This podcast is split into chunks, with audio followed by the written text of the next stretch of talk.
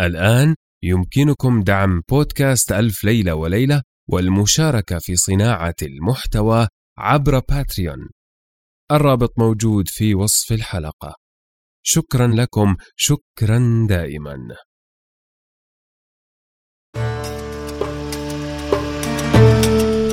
كان يا مكان في قديم الزمان وسالف العصر والأوان ملك يدعى شهريار يحب الاستماع لقصص الإنس والجان وكانت جاريته شهرزاد تقص عليه في كل ليلة قصة. هذا بودكاست ألف ليلة وليلة.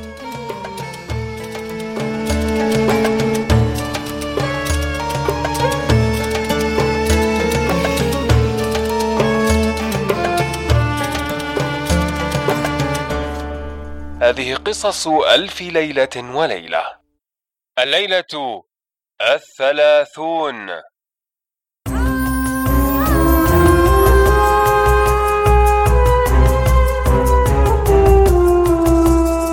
حكاية الأحدب والنصراني والمباشر واليهودي والخياط.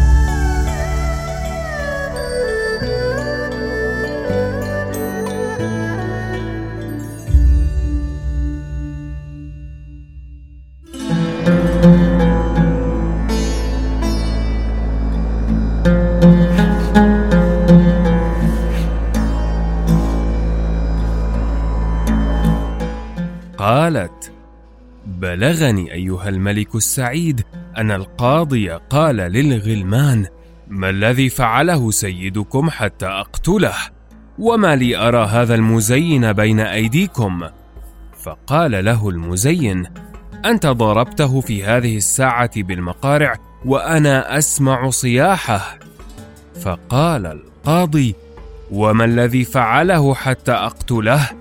ومن أدخله داري ومن أين جاء وإلى أين يقصد؟ فقال له المزين لا تكن شيخا نحسا فأنا أعلم الحكاية وسبب دخوله دارك وحقيقة الأمر كله. فبنتك تعشقه وهو يعشقها فعلمت أنه قد دخل دارك وأمرت غلمانك فضربوه. والله ما بيننا وبينك إلا الخليفة وتخرج لنا سيدنا لتأخذه أهله. ولا تحوجني إلى أن أدخل وأخرجه من عندكم وعجل أنت بإخراجه. فالتجم القاضي عن الكلام وصار في غاية الخجل من الناس وقال للمزين إن كنت صادقا فادخل أنت وأخرجه. فنهض المزين ودخل الدار فلما رأيت المزين دخل الدار أردت أن أهرب فلم أجد لي مهربا. غير أني رأيت في الطبقة التي أنا فيها صندوقا كبيرا فدخلت فيه ورددت الغطاء عليه وقطعت النفس. فدخل القاعة ولم يلتفت إلى غير الجهة التي أنا فيها. بل قصد الموضع الذي أنا فيه والتفت يمينا وشمالا فلم يجد إلا الصندوق الذي أنا فيه فحمله على رأسه. فلما فعل ذلك غاب رشدي ثم مر مسرعا فلما علمت أنه ما يتركني فتحت الصندوق وخرجت منه بسرعة ورميت نفسي على الأرض فانكسرت رجلي. فلما توجهت إلى الباب وجدت خلقا كثيرا لم أر في عمري مثل هذا الازدحام الذي حصل في ذلك اليوم. فجعلت أنثر الذهب على الناس ليشتغلوا به فاشتغل الناس به وصرت أجري في أزقة بغداد وهذا المزين خلفي. وأي مكان دخلت فيه يدخل خلفي وهو يقول أرادوا أن يفجعوني في سيدي. الحمد لله الذي نصرني عليهم وخلص سيدي من أيديهم. فما زلت يا سيدي مولعا بالعجلة لسوء تدبيرك حتى فعلت بنفسك هذه الأفعال. فلولا من الله عليك بي ما كنت خلصت من هذه المصيبة التي وقعت فيها. وربما كانوا يرموك في مصيبة لا تخلص منها أبدا. فأطلب من الله أن أعيش لك حتى أخلصك. والله لقد أهلكتني بسوء تدبيرك وكنت تريد أنك تروح وحدك. ولكن ما نؤاخذك على جهلك؟ لأنك قليل العقل عجول. فقلت له أما كفاك ما جرى منك حتى تجري ورائي في الأسواق؟ وصرت أتمنى الموت لأجل خلاصي منه فلا أجد موتا ينقذني منه. فمن شدة الغيظ فررت منه ودخلت دكانا في وسط السوق واستجرت بصاحبها فمنعه عني. وجلست في مخزن وقلت في نفسي ما بقيت أقدر أن أفترق من هذا المزين بل يقيم عندي ليلا ونهارا ولم يبقى في قدرة على النظر إلى وجهه.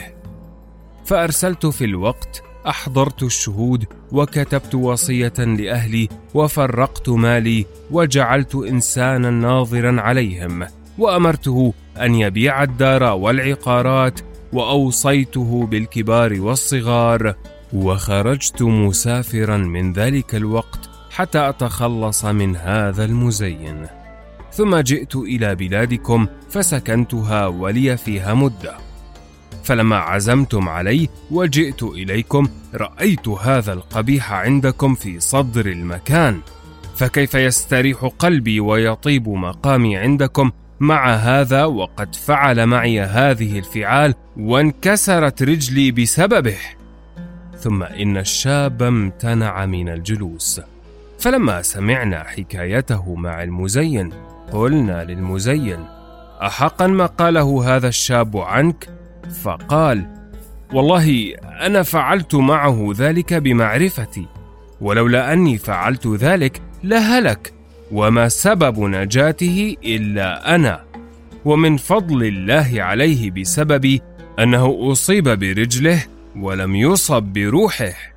ولو كنت كثير الكلام ما فعلت معه ذلك الجميل.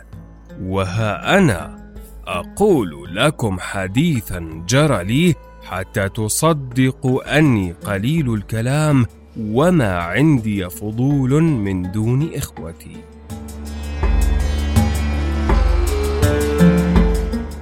وذلك أني كنت ببغداد في أيام خلافة أمير المؤمنين المنتصر بالله وكان يحب الفقراء والمساكين ويجالس العلماء والصالحين فاتفق له يوما أنه غضب على عشرة أشخاص فأمر المتولي ببغداد أن يأتيه بهم في زورق. فنظرتهم أنا فقلت ما اجتمع هؤلاء إلا لعزومة. وأظنهم يقطعون يومهم في هذا الزورق في أكل وشرب وما يكون نديمهم غيري. فقمت ونزلت معهم واختلطت بهم فقعدوا في الجانب الآخر. فجاء لي أعوان الوالي بالأغلال ووضعوها في رقابهم ووضعوا في رقبتي غلا من جملتهم. فهذا يا جماعة ما هو من مروءتي وقلة كلامي لأني ما رضيت أن أتكلم؟ فأخذونا جميعا في الأغلال وقدمونا بين يدي المنتصر بالله أمير المؤمنين. فأمر بضرب رقاب العشرة فضرب السياف رقاب العشرة وقد بقيت أنا. فالتفت الخليفة فرآني فقال للسياف ما بالك لا تضرب رقاب جميع العشرة؟ فقال ضربت رقاب العشرة كلهم. فقال له الخليفة ما أظنك ضاربت رقاب غير تسعة وهذا الذي بين يدي هو العاشر. فقال السياف وحق نعمتك إنهم عشرة. قال عدوهم. فعدوهم فإذا هم عشرة. فنظر إلي الخليفة وقال ما حملك على سكوتك في هذا الوقت؟ وكيف صرت مع أصحاب الدم؟ فلما سمعت خطاب أمير المؤمنين قلت له اعلم يا أمير المؤمنين أني أنا الشيخ الصامت وعندي من الحكمة شيء كثير. وأما رزانة عقلي وجودة فهمي وقلة كلامي فإنها لا نهاية لها وصنعتي الزيانة. فلما كان أمس بكرة النهار نظرت هؤلاء العشره قاصدين الزورق فاختلطت بهم ونزلت معهم وظننت أنهم في عزومة. فما كان غير ساعة وإذا هم أصحاب جرائم. فحضرت إليهم الأعوان ووضعوا في رقابهم الأغلال ووضعوا في رقبتي غلا من جملتهم. فمن فرط مروءتي سكت ولم أتكلم. فعدم كلامي في ذلك الوقت من فرط مروءتي فساروا بنا حتى أوقفونا بين يديك فأمرت بضرب رقاب العشرة وبقيت أنا بين يدي السياف ولم أعرفكم بنفسي. أما هذه مروءة عظيمة التي أحوجتني إلى أن أشاركهم في القتل ولكن طول دهري هكذا أفعل الجميل. فلما سمع الخليفة كلامي وعلم أني كثير المروءة قليل الكلام ما عندي فضول كما يزعم هذا الشاب الذي خلصته من الأهوال قال الخليفة وإخوتك الستة مثلك فيهم الحكمة والعلم وقلة الكلام قلت لا عاشوا ولا بقيوا إن كانوا مثلي. ولكن ذممتني يا أمير المؤمنين ولا ينبغي لك أن تقرن إخوتي بي لأنهم من كثرة كلامهم وقلة مروءتهم صار كل واحد منهم بعاهة فمنهم واحد أعرج وواحد أعور وواحد أفلج وواحد أعمى وواحد مقطوع الأذنين والأنف وواحد مقطوع الشفتين وواحد أحول العينين. ولا تحسب يا أمير المؤمنين أني كثير الكلام ولا بد أن أبين لك أني أعظم مروءة منهم ولكل واحد حكاية. اتفقت له حتى صار فيه عاهة. وإن شئت أن أحكي لك.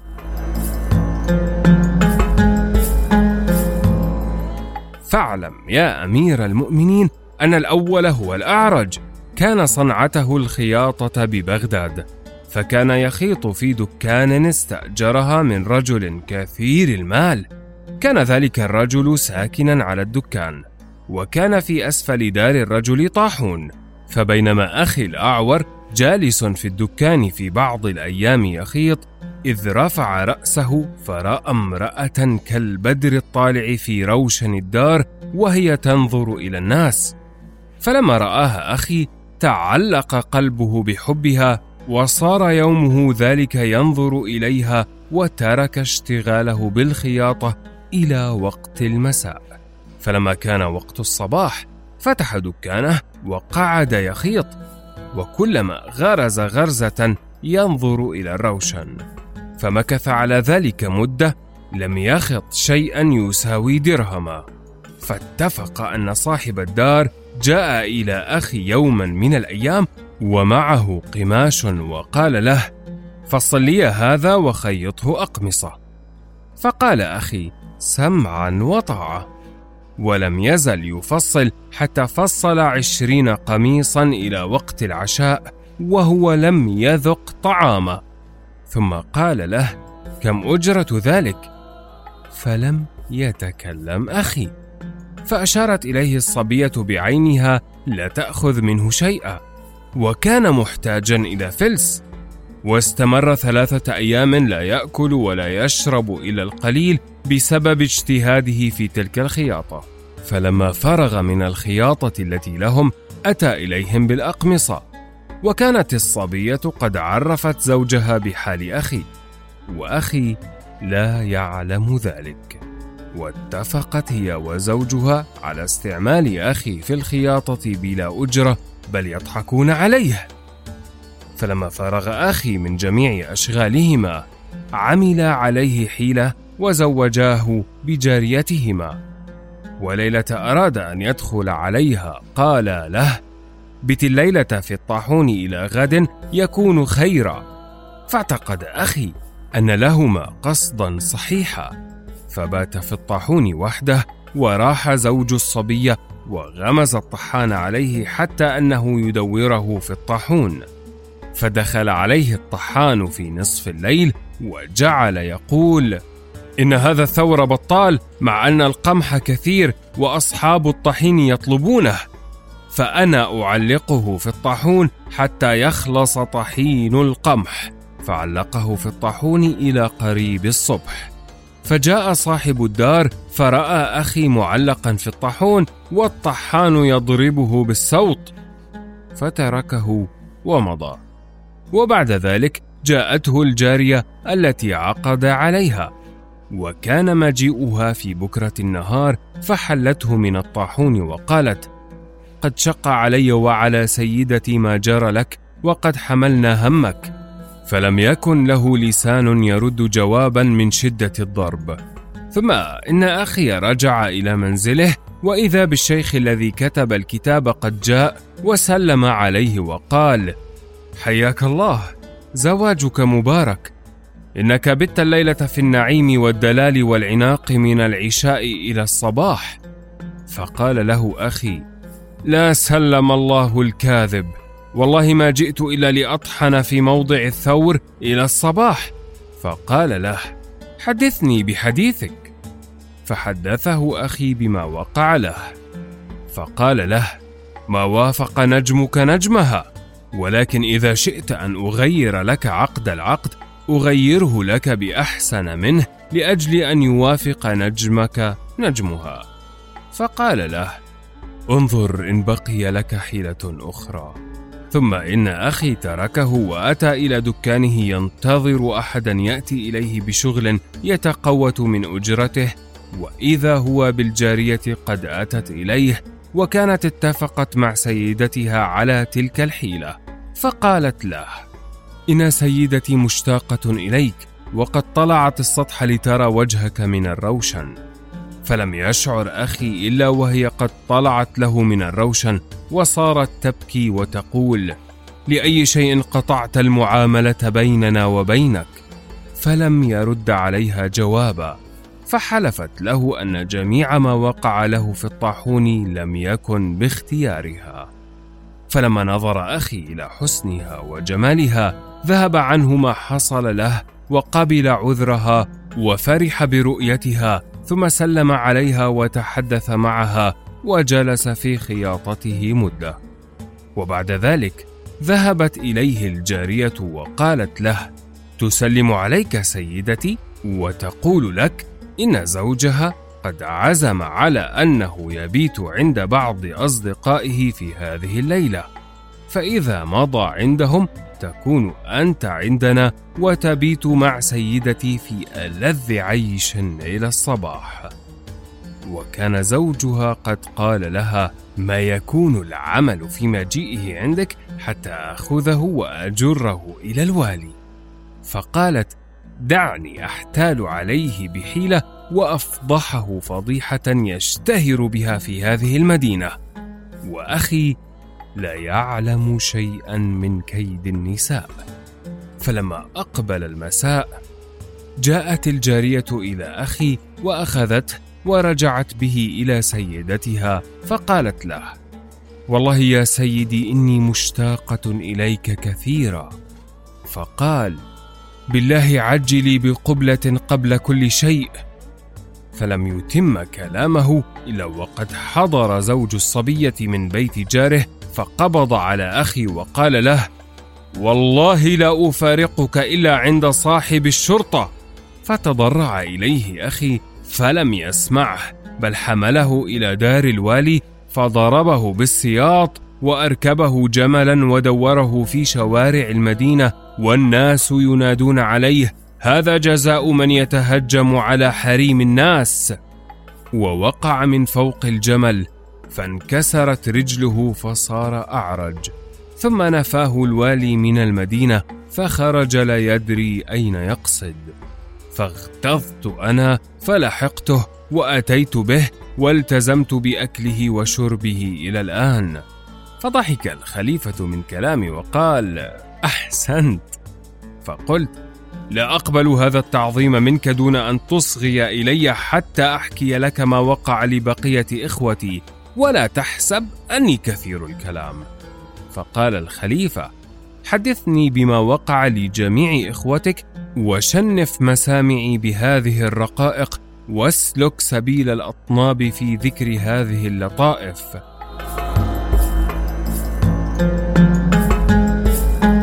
فقلت اعلم يا أمير المؤمنين أن أخي الثاني كان اسمه الحدار وقد وقع له أنه كان ماشيا يوما من الأيام ومتوجها إلى حاجة له. وإذا هو بعجوز قد استقبلته وقالت له أيها الرجل قف قليلا حتى أعرض عليك أمرا فإن أعجبك فاقضه لي.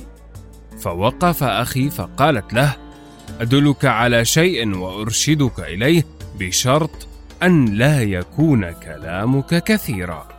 فقال لها أخي هات كلامك.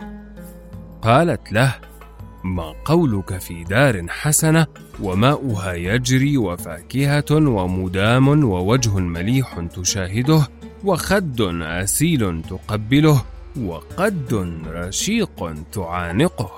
ولم تزل كذلك من العشاء إلى الصباح فإن فعلت ما أشترط عليك رأيت الخير.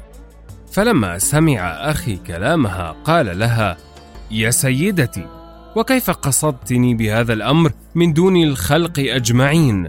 فأي شيء أعجبك مني؟ فقالت لأخي ما قلت لك لا تكن كثير الكلام واسكت وامضي معي؟ ثم ولت العجوز وسار أخي تابعا لها طمعا فيما وصفته له حتى دخل دارا فسيحة وصعدت به من أدنى إلى أعلى فرأى قصرا ظريفا فنظر أخي فراى فيه أربع بنات ما راى الراؤون احسن منهن وهن يغنين باصوات تطرب الحجر الاصم. ثم ان بنتا منهن شربت قدحا فقال لها أخي بالصحة والعافية. وقام ليخدمها فمنعته من الخدمة. ثم سقته قدحا فشرب وصفعته على رقبته.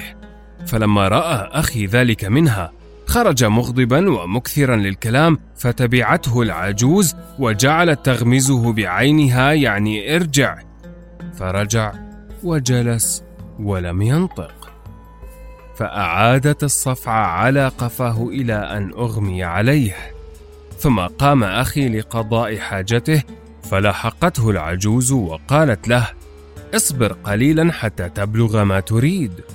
فقال لها أخي إلى كم أصبر قليلا ولا أبلغ ما أريد؟ فقالت له العجوز إذا سكرت بلغت مرادك. فرجع أخي إلى مكانه وجلس. فقامت البنات كلهن وأمرتهن العجوز أن يجردنه من ثيابه وأن يرششن على وجهه ماء ورد ففعلن ذلك.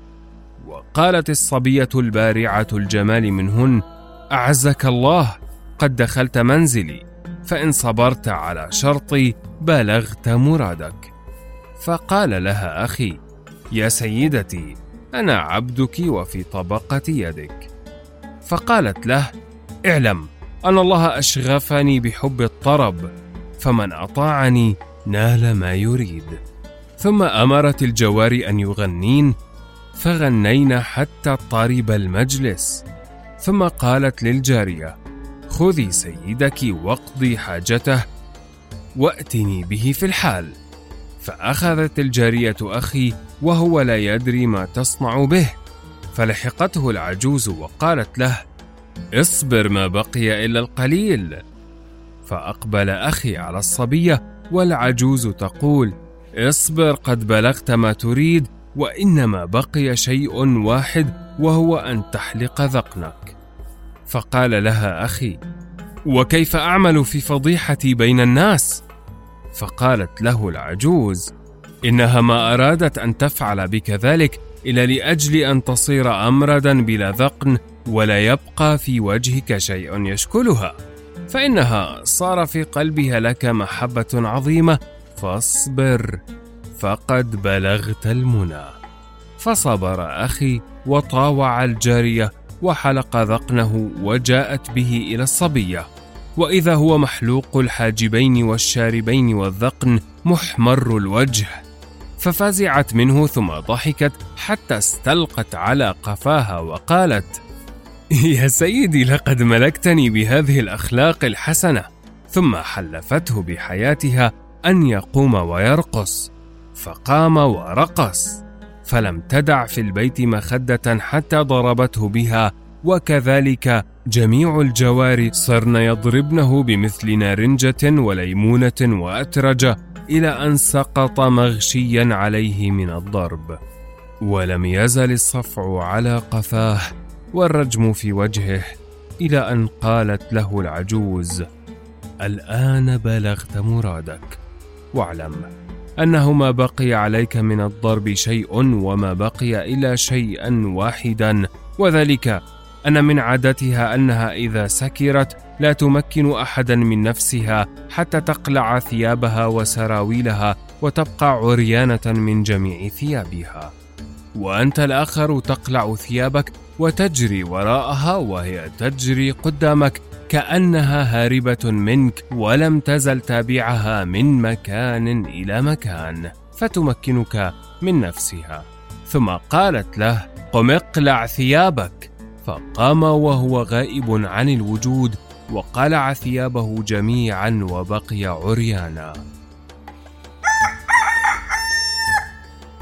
وأدرك شهرزاد الصباح فسكتت عن الكلام المباح.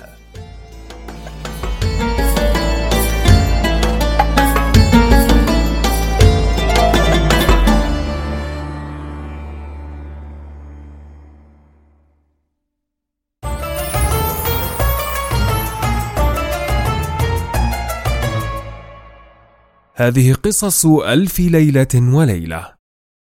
أنا نزار الحمود معكم في قراءة الليالي. لا تنسوا مشاركة الليالي مع من تظنون أنهم سيحبون ذلك. شكرا لكم شكرا دائما.